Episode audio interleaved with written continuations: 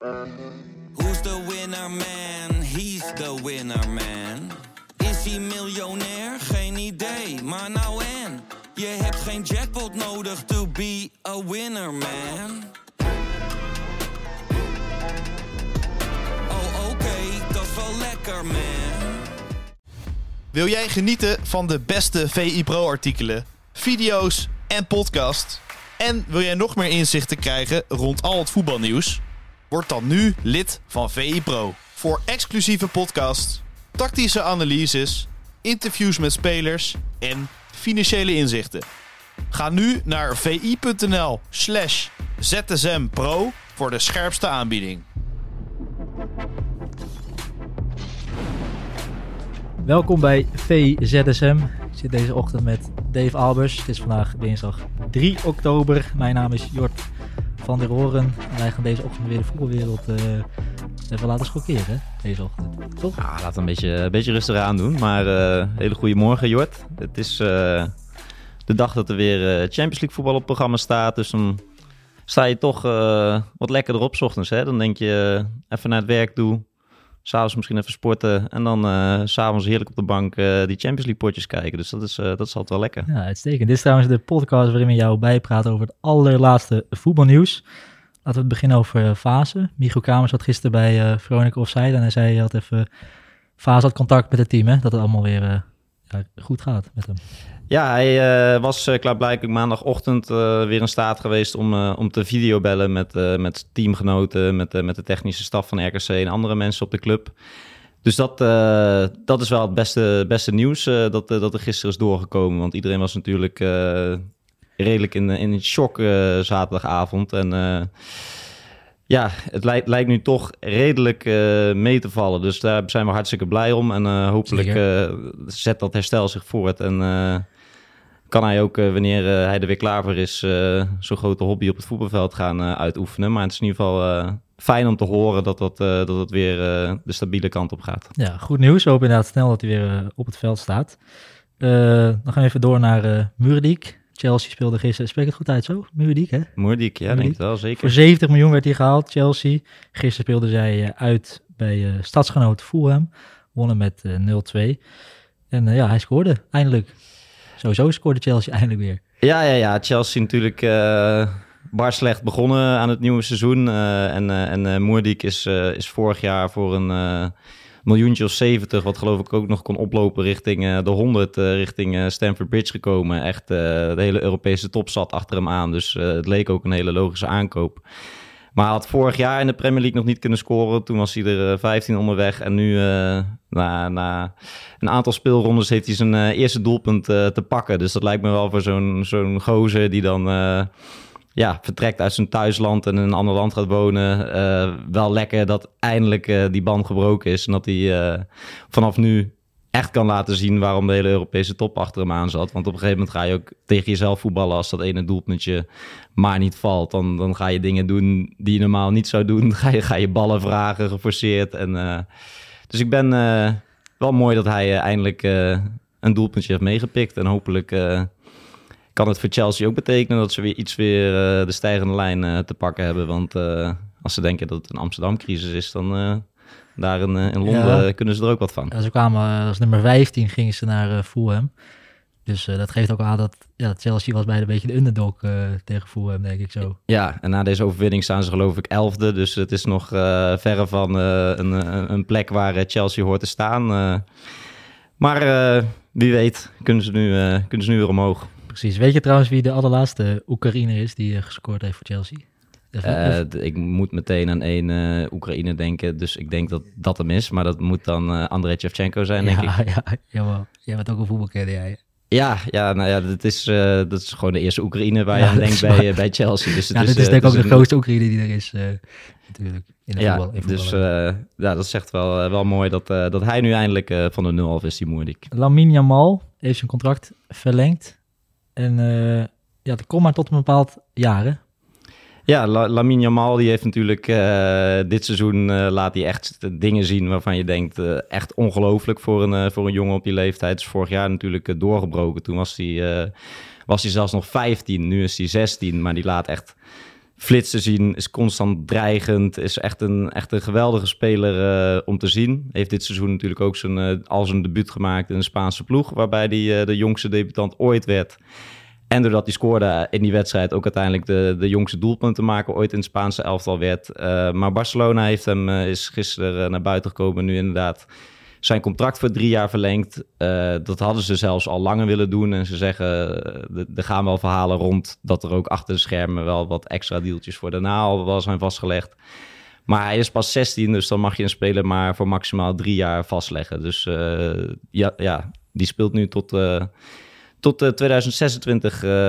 in ieder geval staat hij onder contract bij, bij Barcelona. En dat is denk ik voor, voor die club wel heel mooi nieuws. Want het is wel een speler waar echt iedereen razend enthousiast van wordt tot nu toe. Ik weet niet hoe oud Messi eigenlijk was toen hij debuteerde, maar dit kan wel eens groot worden. 16 jaar nog maar. Ja, ja, dat kan ook nog. we hebben ook natuurlijk genoeg talenten gezien die heel jong geweldig zijn en waar het allemaal iets tegenvalt. Dat kan natuurlijk altijd met een blessure of wat dan ook anders lopen dan je verwacht. Uh, Ansu Fati, toen hij doorbrak, dachten we ook allemaal dat dat de ster van Barcelona ging worden. En die speelt inmiddels bij, bij Brighton.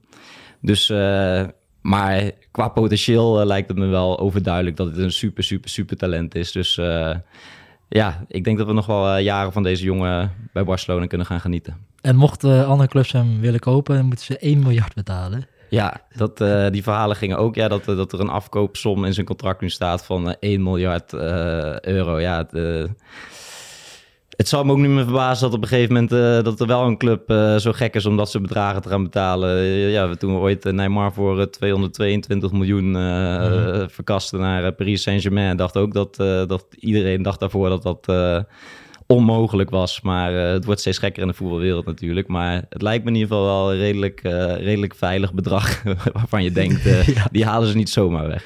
Ja, er komt nog een naam trouwens in me op, die Giovanni Dos Santos. Ken jij die nog? Ja, zeker. En jij hebt natuurlijk ook Bojan Krikic gehad. Zo zijn, zijn, er zijn natuurlijk heel veel van dat soort uh, Barça supertalenten geweest. Maar deze was wel extreem vroeg en is wel extreem vroeg ook heel erg dwingend uh, in zijn spel, zeg maar. Uh, dat je echt wel ziet van...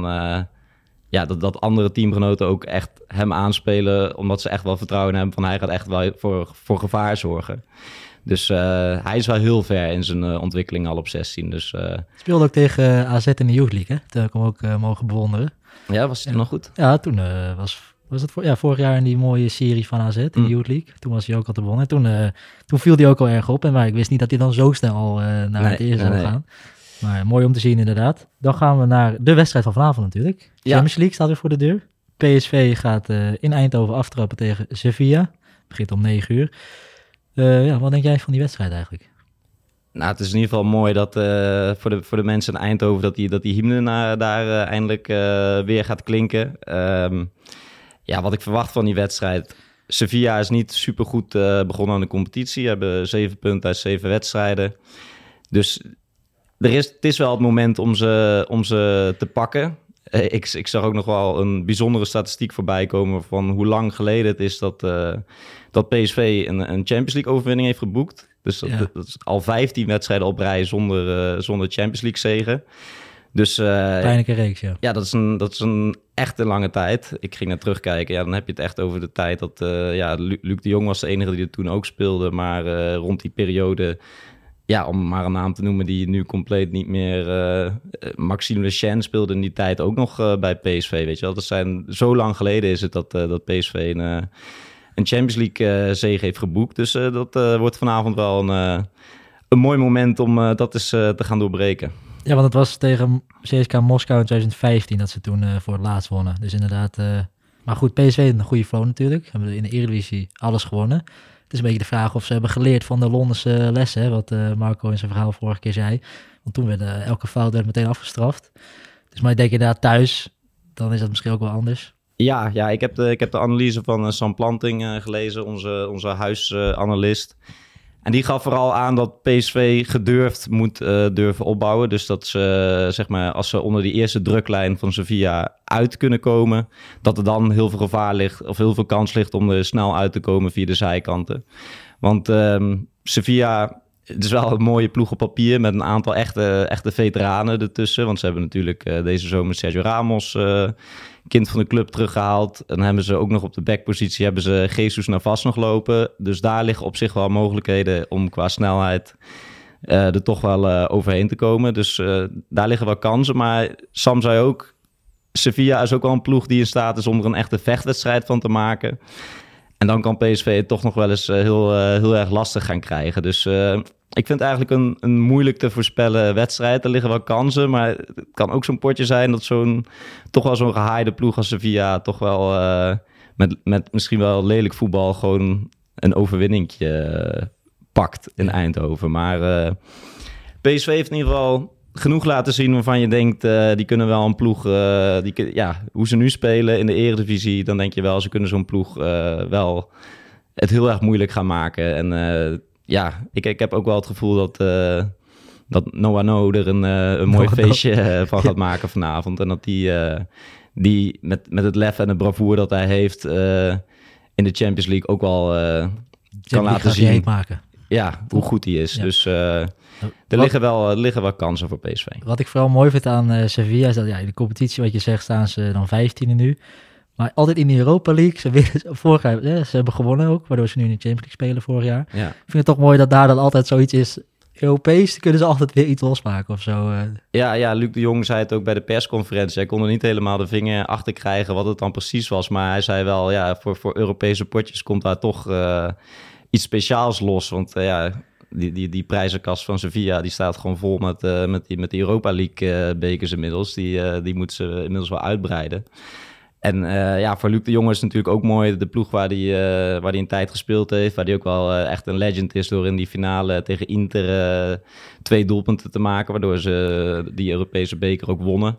Dus voor hem ook een mooi potje. En ik denk dat het voor hem ook wel lekker is dat hij... Hij is nu zo erg in vorm om dan even te laten zien van... Ja, ik, ik ben inmiddels wat ouder en ik speel weer in Nederland. Maar ik, ik kan er nog behoorlijk wat van. Ja, hij gaat denk ik ook tegen Sergio Ramos natuurlijk. Wordt ook een beetje een clash natuurlijk. Nou, ook wel heel benieuwd naar hoe die zich daar dan kan, uh, ja, tegen kan wapenen. Ja, ja, dat worden gewoon hele mooie duels. En uh, Ramos gaat hem natuurlijk het uh, leven ontzettend zuur maken. Maar als Luc de Jong in de juiste ruimte komt, dan heeft hij inmiddels ook wel laten zien dat hij voor echt geen enkele verdediger goed te verdedigen is. Want als hij hem helemaal op zijn hoofd krijgt, dan, dan kan dat natuurlijk wel dat, daar weet hij wel raad mee. Ja, ik, ik had even gekeken. Hij heeft 177 doelpunten in totaal gemaakt. 73 met zijn hoofd. Peter Bos zei al van, het is een fenomeen. Ah. Ja, ja, en uh, hij is ook de, de eredivisie topscorer van de, van de, van de 21ste eeuw. Uh, die, die titel heeft hij inmiddels overgenomen van Klaas-Jan Huntelaar. Dus het is de man in vorm. Maar uh, ja, het wordt toch wel waken voor Sevilla. Sam schreef ook in zijn analyse dat ze wel ze geven ontzettend veel voorzetten, Sevilla. Dus die zoeken snel de zijkant en proberen hem dan uh, in, in de 16 te krijgen bij uh, El Serie natuurlijk. En... Um, die kan ook koppen trouwens. Die, die kan ook waanzinnig koppen. Dus aan allebei de kanten hebben ze een uh, waanzinnige koppen staan. Maar uh, Sam schreef ook dat ze dit seizoen per La Liga-wedstrijd ongeveer 32 voorzetten geven. En dat is, uh, ja, dat is bijvoorbeeld veel meer dan Almeria en Real Madrid. Die komen daarna met, met 22. Dus dat is een gigantisch groot verschil. Mm. Dus dat is wel iets om in de gaten te gaan houden. En ehm, ook met dode spelmomenten schreef hij ook dat ze daar veel uit scoren. Dus dat zijn wel gevaarlijke punten voor PSV om op te letten. Maar ik denk wel dat er dat er in ieder geval kansen liggen om die reeks van uh, eh, 15 niet gewonnen Champions League wedstrijden te, te, te, doorbreken vanavond. Jij zegt inderdaad uh, vroege voorzet. Ik ben wel benieuwd met die achterhoede bij PSV is ook wel twijfel. Je hebt natuurlijk die Ramaljo daar staan. Ramaljo vind ik in duels ook niet altijd even sterk. Dus dat wordt nog oppassen dan met die voorzetten. Ja, ja, ja zeker met zo'n goede kopper uh, als Sevilla heeft. Dus dat, dat wordt wel gevaarlijk. Maar wat, waar, vooral het hoopgevende, dus wat Sam zei, als ze durven te voetballen en ze kunnen onder die eerste lijn van druk vandaan komen en, en de zijkanten zoeken en dan op snelheid eruit komen, dan, dan liggen er echt wel mogelijkheden. Dus uh, laten we hem uh, positief afsluiten dat uh, PSV 2-1 wint thuis. 2-1? Ja. Ik denk, dan ga ik voor 3-1. Dan gaan we eindigen natuurlijk met een verhaal weer voor jou, natuurlijk. Je hebt weer een mooi verhaal, komt eraan, toch? Ja, er komen twee ja, misschien wel drie dit weekend aan, laten we, laten we anders is het uh, VI-ZSM gedeelte uh, komt niet heel goed over dat het uh, zo snel mogelijk moet. Maar ik heb in ieder geval een verhaal gemaakt met, uh, met Felix Verhaal voor onze amateurrubriek. Dat komt woensdag in de winkel. Felix Verhaar is het, is het broertje van Thomas Verhaar, die we natuurlijk kennen van Sparta en Excelsior. Dat was eigenlijk gewoon een amateurvoetballer bij VOC. En die werkte als inkoopadviseur bij de Rotterdamse gemeente. Toen kwam er een vacature vrij op Bonaire om een beetje een vergelijkbare job te doen. En hij is daar ook bij een lokale club gaan voetballen. En toen, uh, toen is hij meteen opgevallen bij de nationale ploeg van Bonaire. Uh, en hij is er ook meteen bijgehaald. Heeft uiteindelijk ook nog echt zijn debuut gemaakt. Terwijl hij daarvoor niet eens enig benul had dat dat überhaupt een mogelijkheid was. Maar die heeft zijn debuut gemaakt tegen Saint-Martin. En dat was op het eiland Saint Kitts en Nevis. Ja, ik, ik ken het hiervoor nog niet, maar een een super, super tropisch eiland waar, uh, waar uh, heel veel van die rastafaris, dus uh, van die Bob Marley types nog ah, rondlopen.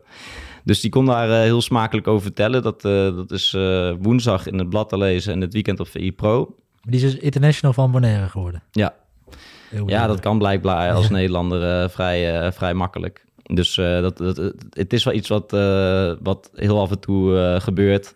Maar het is zeker wel mooi dat hij op zo'n gekke plek zijn, zijn debuut uiteindelijk heeft gemaakt. En je denkt ook altijd bij dat soort verhalen van... Oh joh, dat had ik zelf misschien ook al. dat, is, dat is wat je dan denkt van... dat is wel echt, echt mooi als je dat, als je dat overkomt. Dus hij wist zelf ook niet zo goed wat hem overkwam. Maar hij kon er in ieder geval vanuit zijn verbazing prachtig over vertellen. En ik ben gisteren nog uh, ja, in, in, in een eh, flatje in uh, Almelo ergens geweest... waar, uh, waar twee broers een... ik, ik ga nog niet alles prijsgeven. Nee, dat, zeker een beetje teasen de mensen. Komt dit weekend, maar die maken daar een... Een, een, voetbalproduct in, in, in dat flatje dus. En dat, dat, dat product is zo populair bij, bij, bij echte internationale topvoetballers dat zij inmiddels bestellingen krijgen van, van, uh, van Neymar, van uh, Thiago Silva, van uh, Lamine Jamal, van in ieder geval alle Phil Foden besteld bij ze. Dus dat is wel een heel grappig verhaal hoe, hoe zij vanuit een flatje in Almelo zoiets hebben opgezet en wat nu een zeer gewild product is bij de, bij de internationale, internationale voetbalsterren. Dus dat, uh, een voetbalproduct. Een voetbalproduct. Dat spannend hoor, Dave. We houden het algemeen. Heel goed, heel goed. Nou, dan wil ik het hierbij uh, afsluiten en dan zeg ik tot ZSM. Tot ZSM.